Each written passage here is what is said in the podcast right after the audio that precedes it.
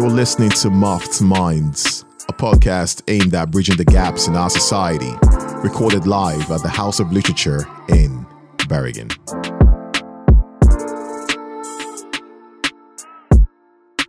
All right, um, welcome everybody. I hope you guys are enjoying the festivities so far. Uh, yesterday was uh, was like a dream and a nightmare at the same time. It was more of a dream and it was great. And I'm I'm I, am I'm looking forward to today for sure.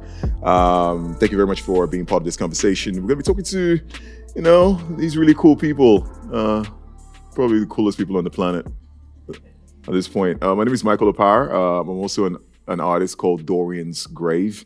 Uh, I'm the founder of Slam Poetry Bergen. Bergen. I'm also the creator of the festival and the director, coordinator, and everything. Um, I work here at the Literature House as a resident artist slash producer slash, yeah, uh, wherever you need me type thing. And um, it's a pleasure to do the slam nights over the years, and it's also a pleasure to sit down here and actually like a journey through time over the last 10 years and do this festival where we are right now, which continues today. But before we jump into tonight, we're going to start with this conversation with, you know, these people, uh, amazing artists in their own rights. Uh, we're going to start with, we start with introducing ourselves, maybe, I guess. Let's start with my man over here. I'm Frank Burrell, stage name Frank Freedom. Uh, Tiril. I'm Shihan Van Clief. I'm Taro, Taro, that was so cool. I was like, wow, I want Taro, uh, Taro Cooper, Taro Cooper. Yeah. Uh, my name is Ida Benonissen. Uh, hi, I'm Henrique Meidel. Hi, I'm Janine Harrison. All right, amazing. A round of applause for them, I guess. All right. Sorry. it's, it's, okay. You're gonna hear that. But I think that's the beauty of slam poetry. It's just so laid back. You know what I mean? It's uh, it's not as tense as it should be, even though the stories can get a bit intense sometimes. But in reality, you guys are just like super chill, and uh, it's like, yeah, let's do it. Sure, I'll see you tomorrow. Okay. um, but let's start actually with Shihan, if you don't if you don't mind. Um, Shihan, how, how long have you been in the game, and what really got you into this art? Um, shit. So I started writing when I was in the second grade because um, I love to read, but I grew up poor, couldn't afford books, so I used to enter contests to win books. So I got into writing because I love to read. And the first contest I won was writing a poem. So in my head, I was like, I'm going to keep writing poems so I can try and win books. And, uh, and then it was just something I did. But in 1994 was when I started going regularly to open mics. and it was a time when my best friend at the time uh, had OD'd, had overdosed, and uh, I was there when it happened, and I needed some place to go. And my older brother uh, was like, "Hey, I'm gonna take you out, get your mind off of things," and he took me to a club. and we stood in line. We get to the front of the line, and they say, "You can't come in with jeans and sneakers. And my brother goes, "All right, well, I'll see you later." And he went inside and left me. So I was, so I was standing there, and across the street, I, there was a big window front, and I saw a poet named D Knowledge who I had read in an anthology and saw perform, and I was like, "Oh shit!" And I walked across the street. It was two dollars to get in, and it was called the Juke Joint. And I went there. That was the first time being in an open mic where I read. And from that point on, I was at the, the venue every Thursday. I took the bus almost two hours each way to go because I didn't drive. and uh, so from 94, I was doing poetry every week. And then in 97, basically was the transition to it being a, a profession. Uh, so I haven't had like a regular, like a quote unquote, like a regular job since 97. I've lived off of my art since wow, '97 in some capacity or another. Words, jeez, that's amazing. Um, so yeah, and then slam took came later. Slam was around, but I didn't really get into slam because uh, I wasn't into the com- the competition. So in the states, for me, I'm familiar with slam as just competition, mm-hmm. but I realize globally it's become a style thing mm-hmm. too. People look at it as a style. So uh, I didn't really compete. I, I felt like it wasn't the thing for me. And then in 2000, some poets who I highly respect, again named Jeffrey McDaniel, Jerry Quickley, they convinced me to slam. I did it, and from that point on, I started continuing that. And so I, I oh, I, I started a venue in Los Angeles called the Poetry Lounge. It started in 1998 with my three partners, poetry, uh, Dante Basco, and Jamel Hooper. We started the lounge, and since then, we're in our 24th year now. Oh wow. We get about 200 people every Tuesday night to listen to poetry. We only do slam, only competition once a month because I don't want people to only come to watch people go at it. I'd rather people's sh- uh, stories be shared. I think that holds more value for me long term is knowing people's story more than what they're willing to do to gain the point to win. So yeah, so it's been a long road. I've seen it all. It's been great. And uh, now I'm just more in a stage where I like to listen and watch other people share their work because I know my story now. I mean, now it's clearly I know my story, but to me, it's always interesting to hear how people put together their stories and how language and the, the effective language they use to get their story across to people who do not understand where they come from. So that was long, but yeah. No, I'm just, I mean, you've been around for a while, so I'm guessing it's going to be long, right? Um, which is interesting because that leads a segue to the next person I'm going to ask the question, which will be Frank. The reason I'm doing this is because when um, you mentioned that you got into poetry and then you made a switch into slam, what, 97, 98 type thing. But Frank, though, you've been around poetry for a bit.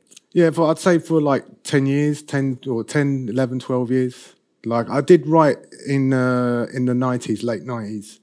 And then I kind of like just stopped writing. I just didn't write anything. And then uh, following kind of like, uh, as I do, follow events in the world and stuff like that, I realized I, there was this a certain event that happened and I was like looking for some kind of information about it in the mainstream and, and I couldn't see no information about it. So it just, just suddenly hit me like, oh, I've got to do something. And I thought, what can I do? And I went, I can write a poem. and and that's like that's how I started. That's where how I started doing the writing. That's the, the why I started doing the writing.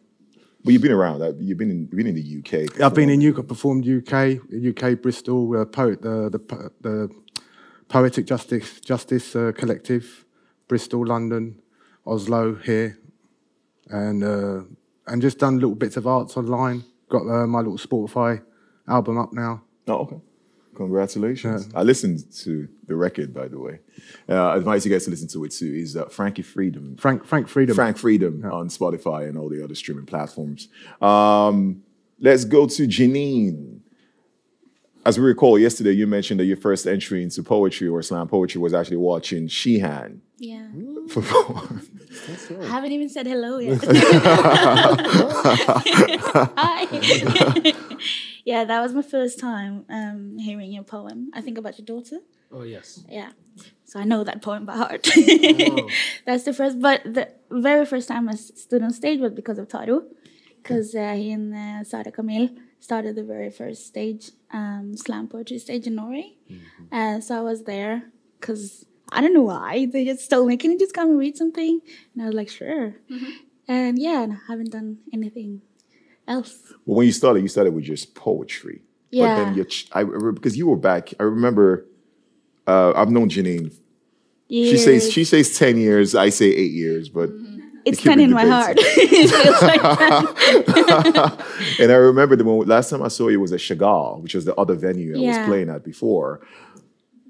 And but your style, Mm-hmm. It's it's slam poetry. I mean, when we met then, I put, now it's almost like a you're making Yeah. this transition back into poetry yeah, spoken word. Yeah, because or spoken word. Sorry. Yeah, because back then we used to, I used to compete a lot, but uh, I didn't really like the competing, the competitions. I actually, I love the storytelling, and the, um, I love saying a lot without using a lot of words.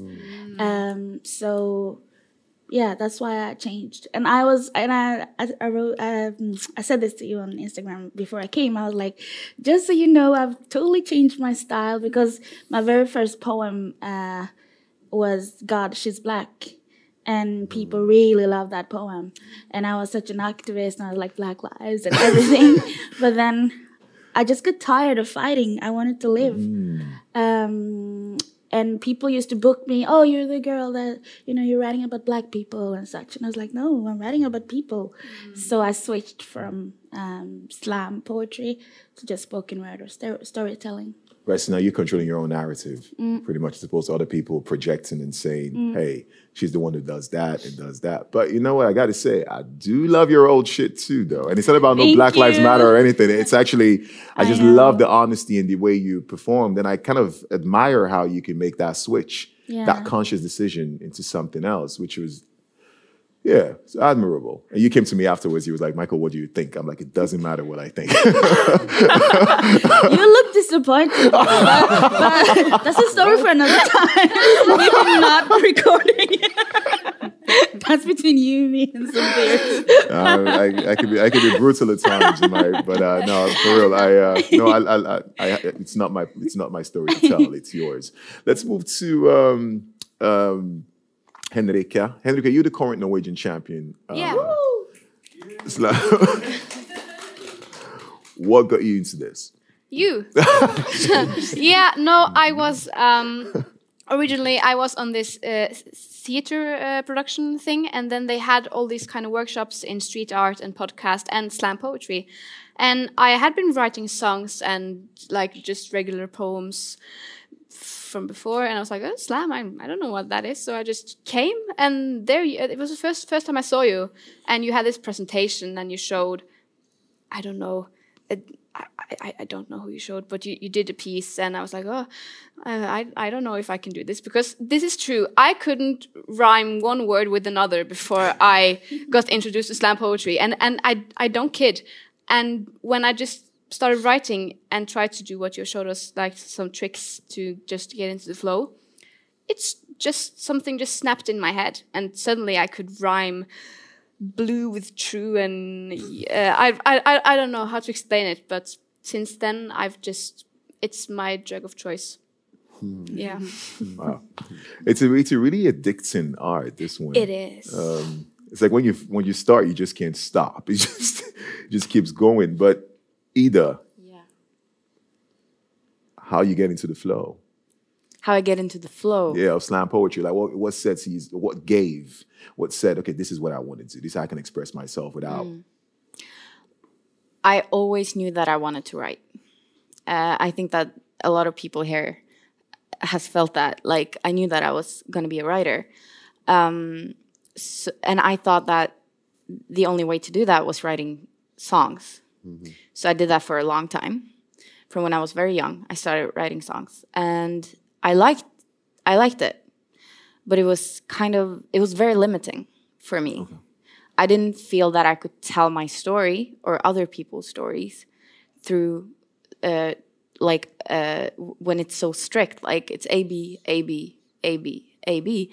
Um, so I, I found myself like I was in a band. We were doing okay, like we were performing big places, and I realized that I was lying. I was writing songs that I didn't see myself in. I was writing love songs about boys and I'm gay. Uh, and that that was just the start. Like I couldn't tell my story. I uh, and my I felt like life was so much deeper than what I could write in these pop cute songs. And I looked cute and sweet and like I didn't have anything else to say. But I had a lot of things to say. And when my mom died when I was 15, it was the moment that it became urgent for me like I always had this feeling that it wasn't enough. But when she died, like she was my anchor in my life, and I was so lost, and uh, I couldn't put it into a song. I needed to be able to express myself further and deeper, and like with more words. Um, so uh, I started like researching what I could do, and then I was like, I remember sitting in my bed in my new apartment, or not my new apartment. I was a rental. I didn't have any furniture. I was all alone. I, I had been homeless for a few months, and um, I was sitting in this big city where I didn't know anyone, and I was like, "Isn't slam a thing? Like I've heard that word before." So I I, I wrote into like the the Facebook uh, thing. I wrote slam Oslo and then I saw that it was a thing. Like I don't know where like it came from. I don't know where I heard about it. But then I went to an open mic, and the next time I went back, I performed my first poem. Speaking of where it came from, Taro. Well, yeah. I remember you gave me a call um, in 2000 and I think it was 2011, 2012 type thing. When Yeah. You gave the call and you were like, Well, oh, was it a message you sent? I can't remember. It was such a long time ago, mate. but you started here by then, because I, just, I think I don't know. I was I, looking I for started I started Slam as a collective in 2009, right, right. actually. And then it wasn't until 2012 when my boy Kingsley, he's not here right now, he's in the other room. Uh, no, he was a guy from India. A guy from India sent me a message and he's like, yo, you still alive? right? Because I, I wasn't doing, I wasn't, because I'd lost my dad and I was just out of it. You know, I didn't give a shit, you know? And then it was him who kicked me into doing the first events. Actually, he was like, yo, man, you're the guy to do the shit. This is your shit, do it. And then you called literally two weeks after he pushed me in without even knowing who I was. And you were like, Slam Poetry Bergen? Yeah, I was surprised. What the hell is that? You know? no, because when uh, when uh, I, I didn't know it was a scene for it at all. Uh, in 2010, I I, uh, I got told by Sara uh, that there was a slam uh, Norwegian championship, and the only slam I've seen before that was a Def Jam poetry, which was you know amazing on on on the internet and all that. But uh, I didn't know it existed here. And by that time, we were doing uh, theater, and we had like kind of we just started an open mic on this uh, theater boat that we had in Oslo. And uh, after I became the champion, I was like, okay, cool. Now what? There was nothing. there was nothing. It was just one champion You're like one thing. You just uh, qualify and then finals and done, and nothing. And I was like, so now what? So it became kind of a, a thing. Uh, me and uh, men Sara and Fredrik, that was here yesterday, uh, we sat down and we made the, the organization and and uh, and I just started pushing it, like making the first open mics for for, for poetry because we had a open mic called Open Expression in in in the theater was just open everything, but this became such a big thing and we got more and more poets coming in, so we just like we can make an own evening for uh, for the poetry. So eventually we started one place and we started another place and in time we put competition in the one place and open mic in that just because like this is not about the competition. Yeah. And uh, but, we, but we realized there's certain things, uh, the elements of competition, you know, like it can sharpen the, the poets and the words and all this. But we need it to be a open and free thing, and that people feel free enough to come on stage for the first time and then feel included. so so during the four years I was running this in Oslo, it went from zero to full house, and now it's uh, like it was. It went from a you know something that people didn't know about uh, to to something that was accepted in all the institutions, from the literature to the theater to the music festivals, and we had people in all of those kind of just coming in and out. So it was really uh, nice to to be a part of, like seeing this grow, and uh, and of course I was invited to to Sweden for the Scandinavian Championship. I didn't know that was a thing.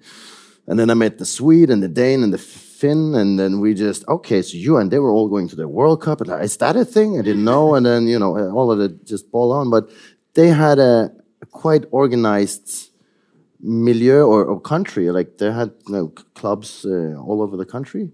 We didn't have any. So from that point on, it became like a I want to unify Norway into a collective of poets. So I looked for you and everybody else, and you're the only one that was there, and no one else.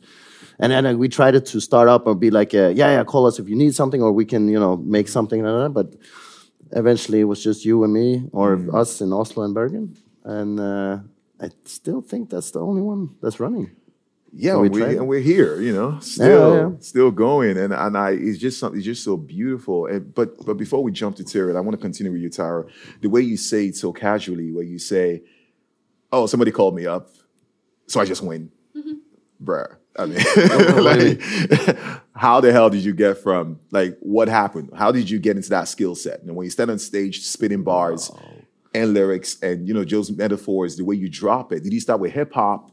Of course. You know, did you? Because I know you were a big fan of Wu Tang Clan. Yeah, yeah, yeah, Right. yeah, yeah, yeah. It's all that you know. It was hip hop in the beginning. Of course, we all grew up with that, but you know, some more than others.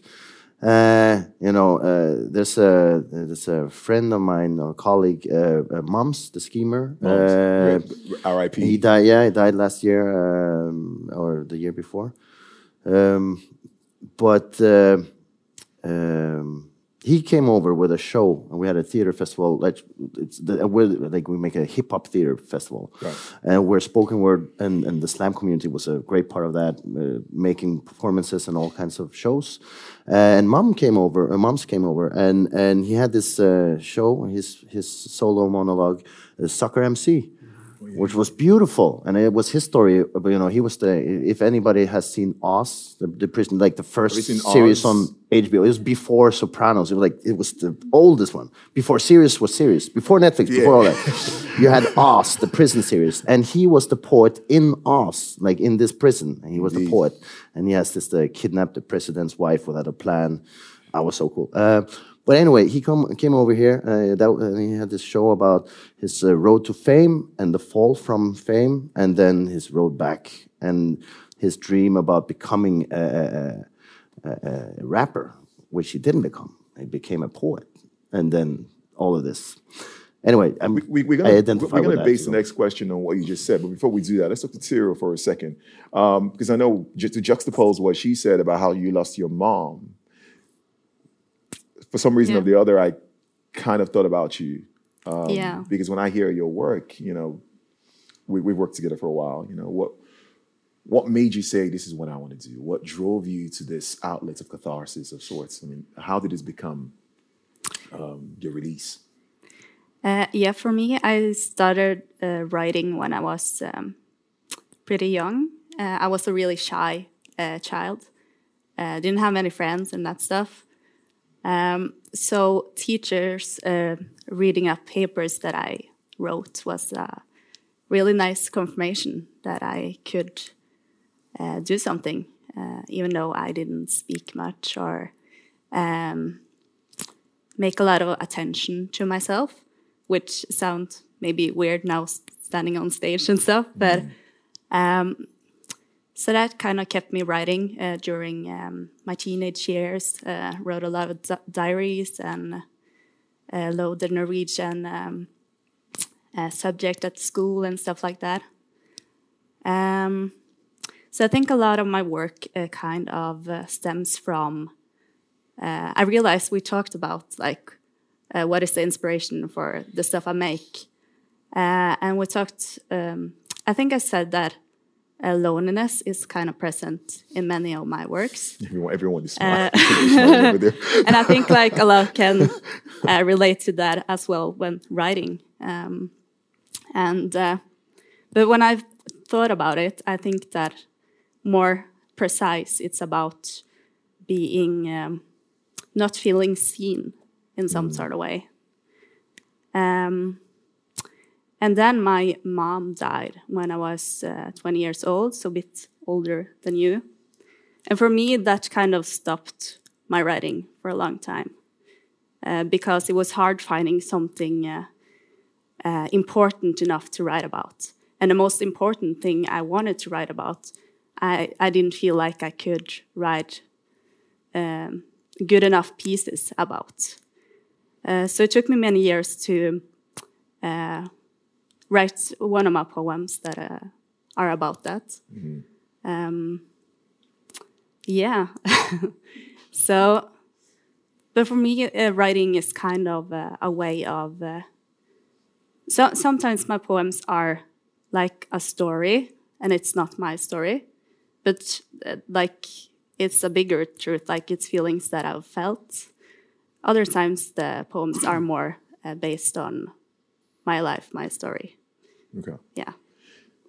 So we're gonna now we've introduced ourselves. We talked about everything. You know, we kind of have a feel of who you are and, and all. So it comes based on what Taro talked about. Mums was trying to become a rapper but never did.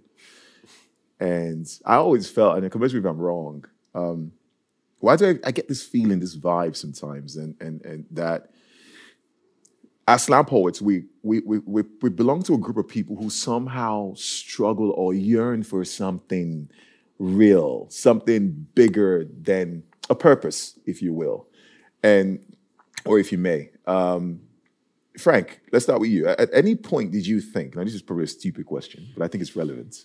At any point did you, did you say to yourself, "I am going to become the best poet in the world"? Like people are going to know my name. I am that person. I am that guy. Did that ever cross your mind No. at any point? Not not for me. Not for me. For me, it's message. I'm just pure message, and I, for me, it's responsibility. I have to shout. Yeah.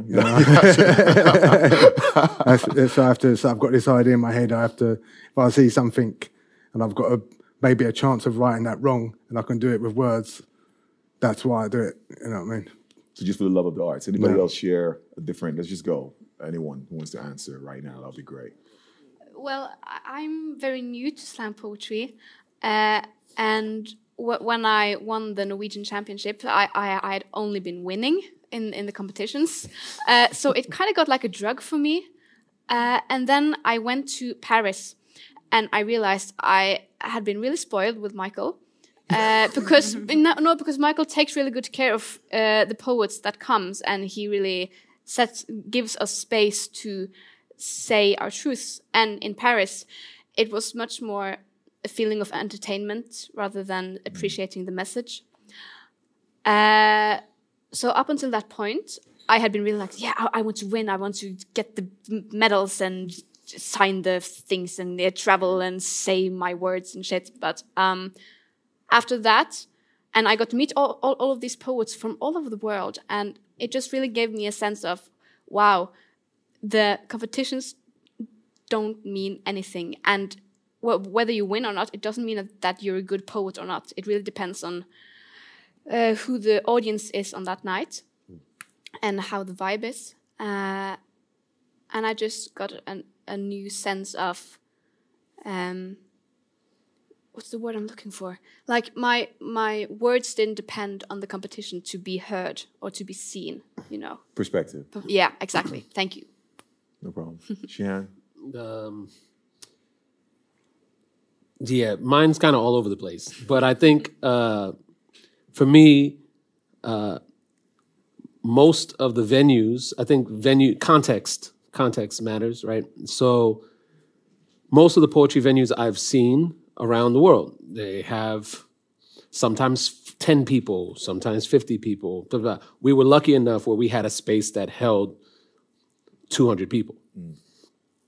So when that's every week, the lesson I got early was that I can't fall in love with the claps because people will clap for anyone with the courage to get up and perform. So this really means nothing. So I think having that lesson early let me try and figure out other ways to become the, you know, because the drug I'm selling is different. Mm-hmm. You know, I'm not selling the the political power, ba ba ba. I'm, you know, I talk of being from the states and the the the the opportunity I've had to travel the world. I realize the the what I represent when I step into rooms and being a present like a, a young black whatever, even if they don't know my mom's Puerto Rican and I'm ha- whatever. I'm a black person when I step in a room, and the examples of that because I pay attention to media the examples of being a father, a black father, a black husband, a black that was super important to me. And I was raised by a single black father. So I made I wanted to make sure whatever room I stepped in, I spoke about what it was to be a father, to be a husband, to be those things because I've my, you know my wife is here. We've we've been together 22 years. We celebrated 21 years of marriage uh, on Wednesday, and like, it's, I beat her. No. but the thing is, that became more the goal is to to represent something bigger than just being the dopest poet because I came from hip hop too. So like or the, our venue at the end of the night, there was a cipher and just people got up and rapped at the end of the night. And that was kind of what it was. But uh, what made me kind of go into the poetry thing also is that I felt like music became the distraction, right? Because people will dance and clap and blah blah blah to anything that sounds good. So with when there's no music, no anything, they have to pay attention to what it is I have to say. And you know, I wanted to be the best at what I was felt was important to me. I like I was if I was true to my passion, true to who I was, I felt that was being the best at because I was not trying to do the other things. And my my journey has gone all over the place. And it you know cuz to date shit there was no internet when I started. There was no YouTube. When Def Poetry first came out, YouTube did not exist. So I live to a lot of people's consciousness in a time capsule hmm. because they know me from Def Poetry, hmm. which is fine. But that was to, from 2002 to 2006, 7. That's 15, 20 years ago, depending on where when you first saw the shit, hmm. which means I'm always like trying to catch up people to the life I am now. Because what I lived on Def Poetry was a different time. Emotion, how I experience emotion, how I experience love, how I experience pain and happiness and whatever is different than when I was a kid. You know, I was a kid then. You know, I was coming out of my teens and doing poetry and like the world saw it. And I was like, oh shit. And then I love different. I have family that changes how I view things. So the context of my journey really defines like where I was and what is important. So for me now, for me it's important to watch and listen to other people more than me sharing. I was I was asked a while ago how many times I perform in a year. I in the past 5 years I probably have performed 50 times. Hmm. Maybe. That's a maybe. That's not a lot. It's not a lot because I also feel like my job, also as a person who holds space for others, is to share the lessons I've learned. So, you know, I was watching some of Miko's uh, workshop. To me, that's important. So my my job in my space is to kind of like, I'd rather be known as that person who presented or, or provided space and an opportunity for things to happen more than just show how fresh or how dope I can be. Because not to shit on how old I am, but I'm, I'm not trying to be the 40 year old rapper. You know what I'm saying? You know, like this shit here, this this great chat. I could, I know I could fuck it up, but at the same time, you know, this didn't exist when I started. You know, so I'm looked at differently. I know I'm still young, and I present young, and I can, and I still know how to get down. But I also feel like I'd rather see the person who didn't have the introduction that I have have an introduction that allows them to succeed in a way that so many people in poetry are not because it's still marginalized. You're still looked at as uh, you do poetry. It's like cute, and that's fucked up. It's fucked up when you care about something so much and people are looking at you like you're a little kid. Oh, I used to do poetry when I was little. Like fucking, this is my life, right? Yeah. So I'm always trying to get in rooms where poetry is not. That is more. That is something my wife knows. I'm always trying to get in places poetry does not exist at all. Like that was super important for me when I uh, get opportunities to do stuff. I'm making sure it's there's nothing that's been there that does what. So when I go, it's their first. Oh, we never knew poetry could. Blah, blah, blah. It's like because you didn't listen, which I mm. think everyone on here at some point felt like they were not being heard or listened to. And so this provided that. And so the more spaces I go, the more I'm able to get people to do this, which is why in my in how I perform and what I wrote about has changed also. When I was young, I was super rebellious. Like I want to talk about how fucked up this was and white people have killed, colonized the world. Like, but I also realized pointing fingers at people they stop listening, right? Mm. It's harder, like in a, it, I, I think of poetry as a conversation. If we're talking and everything is on the level, it's good. Once I start going, it's your fault, you don't listen in the same way. So it's easier to get someone who's already listening to listen in closer than it is to do this and to get them to break out of like being accused and then feel comfortable listening. So I, I think conversation, so the storytelling aspect is kind of where I'm at. And I'd rather be that kind of person more than just perform on time. Yeah. Blah, blah, blah. Sorry, I talk a lot. No, Trust You can do both. You can do both, man. You no, I, you, like, you've, you've, you've earned it. You've earned it. You know, you've earned it. You earned it. My, my introduction to you was I was sitting in my in my hostel in uh, a place called Fantoft, uh, which is like where the students live. And my friend Maria in Jao, half Tanzanian, half Norwegian, she sent me this message. She's like, Michael, I think you're gonna love this. And at first it was Saul Williams Coded Language, the poem. I know you've heard that. Yeah. Right. There you go. There you go. Th- Oh, there you go. Same here. That's the reason I'm here. and then and and I heard coded language, and then it was the next clip. It was you, mm-hmm. and I was like, "Yo!" And I love hip hop. I'm coming from hip hop. I'm actually performing tonight. Tell everybody, it was a last minute decision, and and I was like, "Oh, hip hop, man, this is dope because this gives you a different outlet to kind of speak your words." And of course, there's something about longevity in this game because he, Shihan just spoke. The older you get, I feel like as slam poets, there is no time frame. There is no, okay, I'm done. I'm not doing this anymore. Of course, you could be reclusive, just like Shihan is saying, and be in the background more.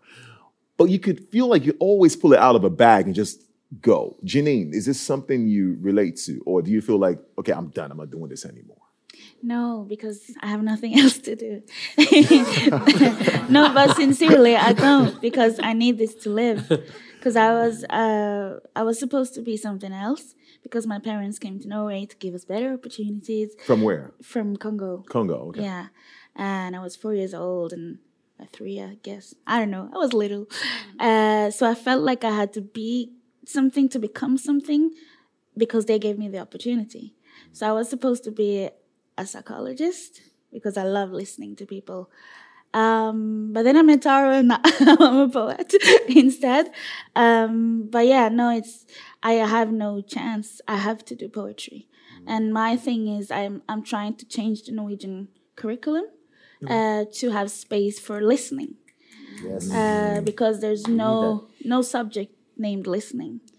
Uh, so that's my thing, and it's working quite well. okay. so I'm changing the Norwegian curriculum. So what I do, I travel around in Norway, and I tell the teachers to listen because they always think that they have the most things to say or they have the knowledge or whatever but there's a child sitting there with a story because i was that child and because nobody listened a lot of bad things happened mm. so poetry saved my life because i started uh, people started listening. So that's my thing. I so they always tell me like yeah can you come have a, s- a skiver workshop like writing workshop or spoken word or slam poetry workshop? I'm like um no but i can have a listening workshop. And they'll be like uh okay sure. And then when i've done it they're like wow that was amazing. So that's my thing now um to listen yeah. What about you, Ida? What's the question? Do you feel like you're gonna make? tran- Do you feel like right now where you are, and, and, and which is true, where we are right now, we're doing what we are. Mm-hmm. We're doing what we can do, given the space we're in in this mm. time capsule, right? Mm. But do you see yourself saying at one point and saying, you know what, I'm done with this. I'm not doing this anymore, or do you see yourself transitioning into something else? this is like poetry slam poetry in my life has i started in 2000 and i think it was like the end of 2019 the beginning of 2020 uh, so i haven't been doing this for a very long time but just during those years like the place it has in my life has already changed so much. Like i because now i have a venue. Uh, i host uh, slam poetry at Salt in oslo uh, with asha uh, abdullahi Asha was supposed to be here with us. Asha, she yeah, to- she's she in Somali. She's in Somaliland, but she really, she would really like to be here. And we are so privileged that we every month can like meet. We have this space that we call the creative space, where we meet and hang out and write together with poets, uh, like poets that has been writing for a long time, totally fresh poets, and we just work together and write together and just listens, listen, and uh, then we do this show first Monday of the month, and seeing like that from being a poet that like goes around some places, I do my poetry and then I go home. It's it's it's a way of doing it, but it feels kind of lonely. And now my my my lyrics and every and my poetry has company all the time, and I can see how that has changed the way I see it the way like the space it has in my life and how it just it it, it really has transformed my life. And like everything else in like our relationships our jobs our uh, like our bodies everything changed over life. But it doesn't mean that we think that we are ever going to be without relationships or without our bodies. So it just feels like that like it's such an important part of my life that I expect to grow, that I need to grow. I have no idea where I'm going to end up. I have no idea what my body's going to look like in 20 years. I have an idea of what I want it to look like, but I have no idea what's going to happen. But I'm going to have my body, unless I'm dead. Um, like, and then I'm not going to have my poetry. But like, um, you can have my poetry if I'm dead. Yeah. Uh, please. uh, but, but, yeah, so uh, I I expect it to grow. I expect everything to change all the time, and I love that. Yeah. So we go down the timeline and talk to Taro. You've been in the game for okay, what, 15, 13? Since 2010. 2010. Right, 12 years. Yeah. So looking back, if you look back then, saying well, you were 12 years ago, you know, does, does, was that like this? Is this is this I wouldn't call it ignorance, but is this naive way of what we say to ourselves? Okay, now, like you were saying, then what? Then what? Then what? Then what? Well, I didn't. Do you get to a point where you're like, you know what? I'm good. I, I didn't join the competition because I, uh, it became a place. It was the only place. So I became the first place where I did my poetry as a thing as I could compete with. And mm. After I won that, I realized there was no other place for it. And then we started with this community building because mm. I would like to continue to do my things, but it's totally you know, we need more. We it's, it's, uninteresting with one. We need a lot. We need. Uh, it's fragile, isn't it? Yeah, well, we need a stage. We need a place, and uh, and it's very interesting to see how fast something grows. And then we come back into. Like, been very uh, uh, interested in in like gardening or the concept of plants and growing because with this uh, starting with the rebellious thing and I want to make a change and da da da and it's all this. Yeah, but you're you know angry poetry and all that.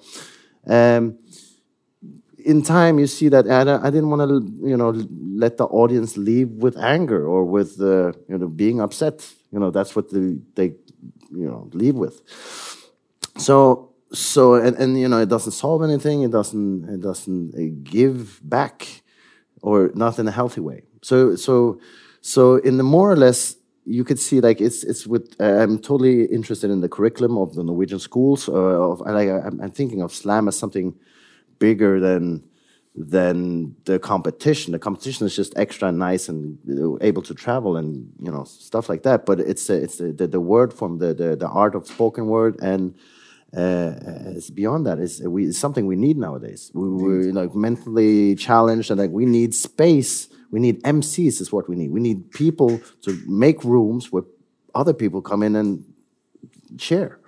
So that's that's what we need here. Is that we need these spaces, and in, in schools and in anywhere in big cities and, in small cities. Uh, so so my journey through this is it started with something I wanted to do, and then it became you know overwhelming as I saw the world was all a part of this, and uh, you know as time goes, it's kind of a yeah, no, yeah, kind of kind of leaning back, but now trying to move it into theater and everything else. Like, what can we use spoken word for, and how can we you know, from music to to everything. Uh, it's interesting. It's fun. It needs to be fun, and then to, to, to, keep meeting people and giving and getting. Before I get to the next question, I'm going to ask Tiril, what's your opinion on that? Do you think this is something you could do forever? Do you think this is something you need? Do you think this is something you, you're a teacher in school, actually, and I remember you booked me in for your workshop. And do you wish there were more of such outlets or spaces for people? Yeah, absolutely. Uh, I think especially I'm um, I'm from Trondheim, so coming from there, I don't know how it's uh, in Trondheim now because I lived in um, uh, here for three years now. Wow, that was that went fast. Uh, and um, I, when I was uh, living there, I didn't feel like there were were as many spaces uh, as here because here it's a lot of like poetry nights, uh, um, a lot of different uh, arenas, not just like poetry slam. But I feel like I, I used to read um, like ordinary ordinary poems uh, on like these open mic uh, nights and stuff, and I think uh, just having open nights stuff where people can share their stuff is um, really important. But also like the workshops where you can go meet the same people, or share stuff in a safe space, uh, get an uh, honest opinion. uh, because me, as uh, the same as Henrike, went to your workshops Yeah. uh, during the pandemic, uh, um, and that uh, that has helped me so much by uh, having those spaces where you share uh, your stuff because it's hard to just write on your own, expecting it to. Um, ju- just feeling that it it's um, something to share and something that can develop is much easier when having a conversation with someone. And also, the um, we had some workshop at school um, where I booked in Michael and Henrike came and had the show, and um, uh, seeing uh, 16 years olds um, making poetry uh, was awesome. We forced all the first graders at the at um, at the school to um, make poetry, and for some, I think it was really uh, it was a really nice experience to see them take the the challenge so seriously, and that uh, not necessarily the people, the children who uh, raises their voices uh, most often also like watching some of the yeah i don't know where i'm going but No, you, you- you're Yeah. going somewhere. And i'm I, going somewhere I think I grasp. Well, I think we grasp Yeah. what you're trying to say. But before I let everybody go, I'm going to ask the question, and um, I'm going to need some honesty right here. And I, I feel I'm going to get that anyways, because that's what you. That's what we all do. What's your frustration?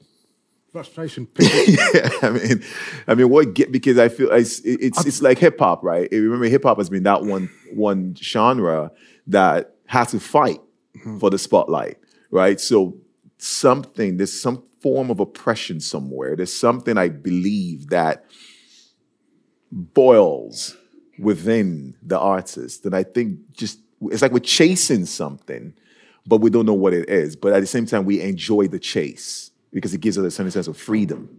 I believe, and I might be wrong, obviously. But let me ask, why? In other words, why do you make the poems you make? on a well on a frustrating level it is it's like look can you see that? Can you see it?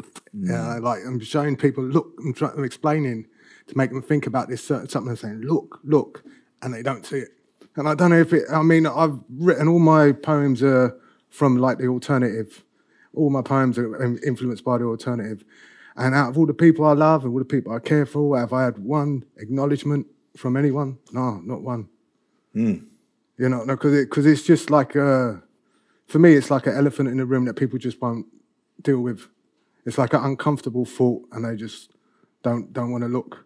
And they rather uh, identify with like uh, collective kind of stupidity because they think it uh, absolves them from responsibility of looking at it, and it just gets frustrating. Especially when you live in an egalitarian society like Norway. I love Norway, but just just saying. Um, what about you, Shan?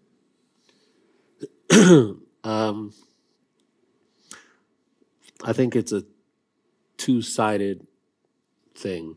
I think the frustration as in me might be after all this time, I'm still not sure if the ear, and that's the thing, I don't know what the ear is.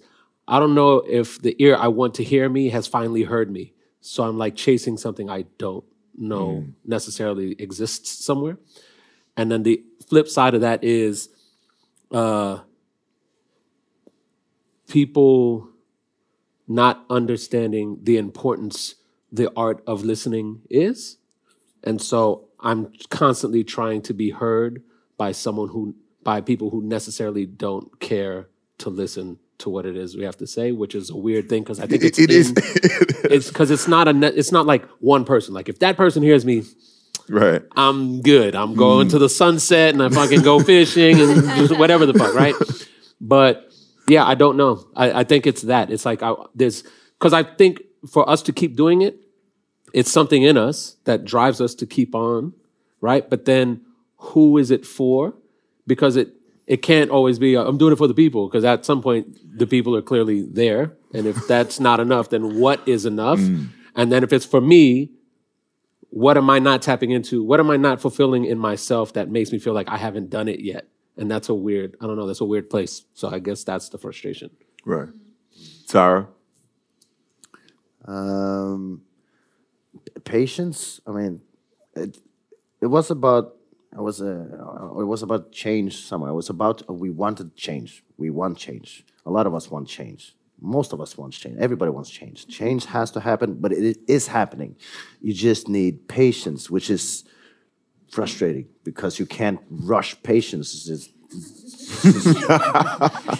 yeah, so it's just like it's all you plant the seeds, and now just watch it happening. So, so I mean, I think yeah, I think it's a lot of good stuff happening. I, I see a lot of positivity, uh, you know, or, or, and, and, opportunities that's coming, and a lot of you know the younger generations are coming up, and especially in Norway, there was nothing. It's now becoming something, uh, which is very interesting and, and good. And now it's just being patient and then saying yes, continue and yeah, if there's anything, we'll join you and whatever we can do and um, continue. Continue. That's the only thing. Just continue. I'm going to skip the two of you and I'm going to ask Janine because this question is probably one for those who've been in it for a bit and uh, because you've been through the cycles and you've seen. So, what about you? I think my frustration is being afraid of running out of the power that needs that I need in, uh, to be able to tell the stories because it takes a lot of me. Because each time I stand on stage, mm. I give a piece of myself. Mm. And I guess my frustration is being afraid that one day I will run out, that I won't have anything left for me. Um, doing this professionally, both in theater and school, writing books, standing on stage, telling the stories, feeling the stories each time I say it, I guess I'm afraid of running out. It's a Tough crowd. No, but sincerely, because you can't run out. You're beautiful and magic. Thank you, but I mean, it just takes a lot. It takes something that you don't know until you're the one telling the story. So the people booking us, the the people giving us scholarships and money and everything, they think that we are just we can just go on and on and on, and maybe some people can. But for me, each time I tell my story or tell a story, it takes a lot of me, and I just hope that I have enough, like later on for me. For me, my frustration is people are catching up too late Mm. Patience. Patience. They'll get there. You know what I mean? I mean, for me, for me as, as, some no, it takes time. because some, some of my students are here, and and and it's it's like, I think for me, what and I think you guys probably relate to this is that it's fun. Like Shihan said early on, when we see she when we saw Def Jam poetry, right?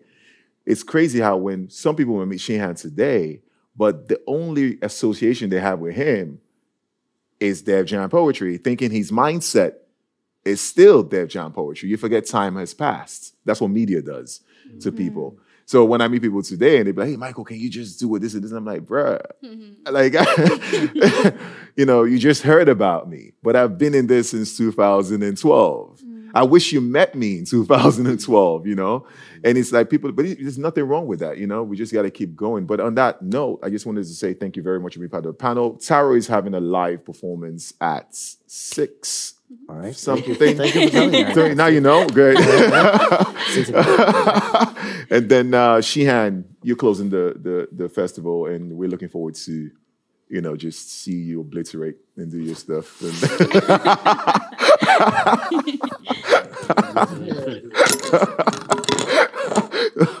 Probably wrong choice of words over there, but yeah, you get it. Um, but yo, thank you very much, and uh, hang around. We'll see everyone in a bit. Thank you thank to you. you too. Yeah, thank, thank you.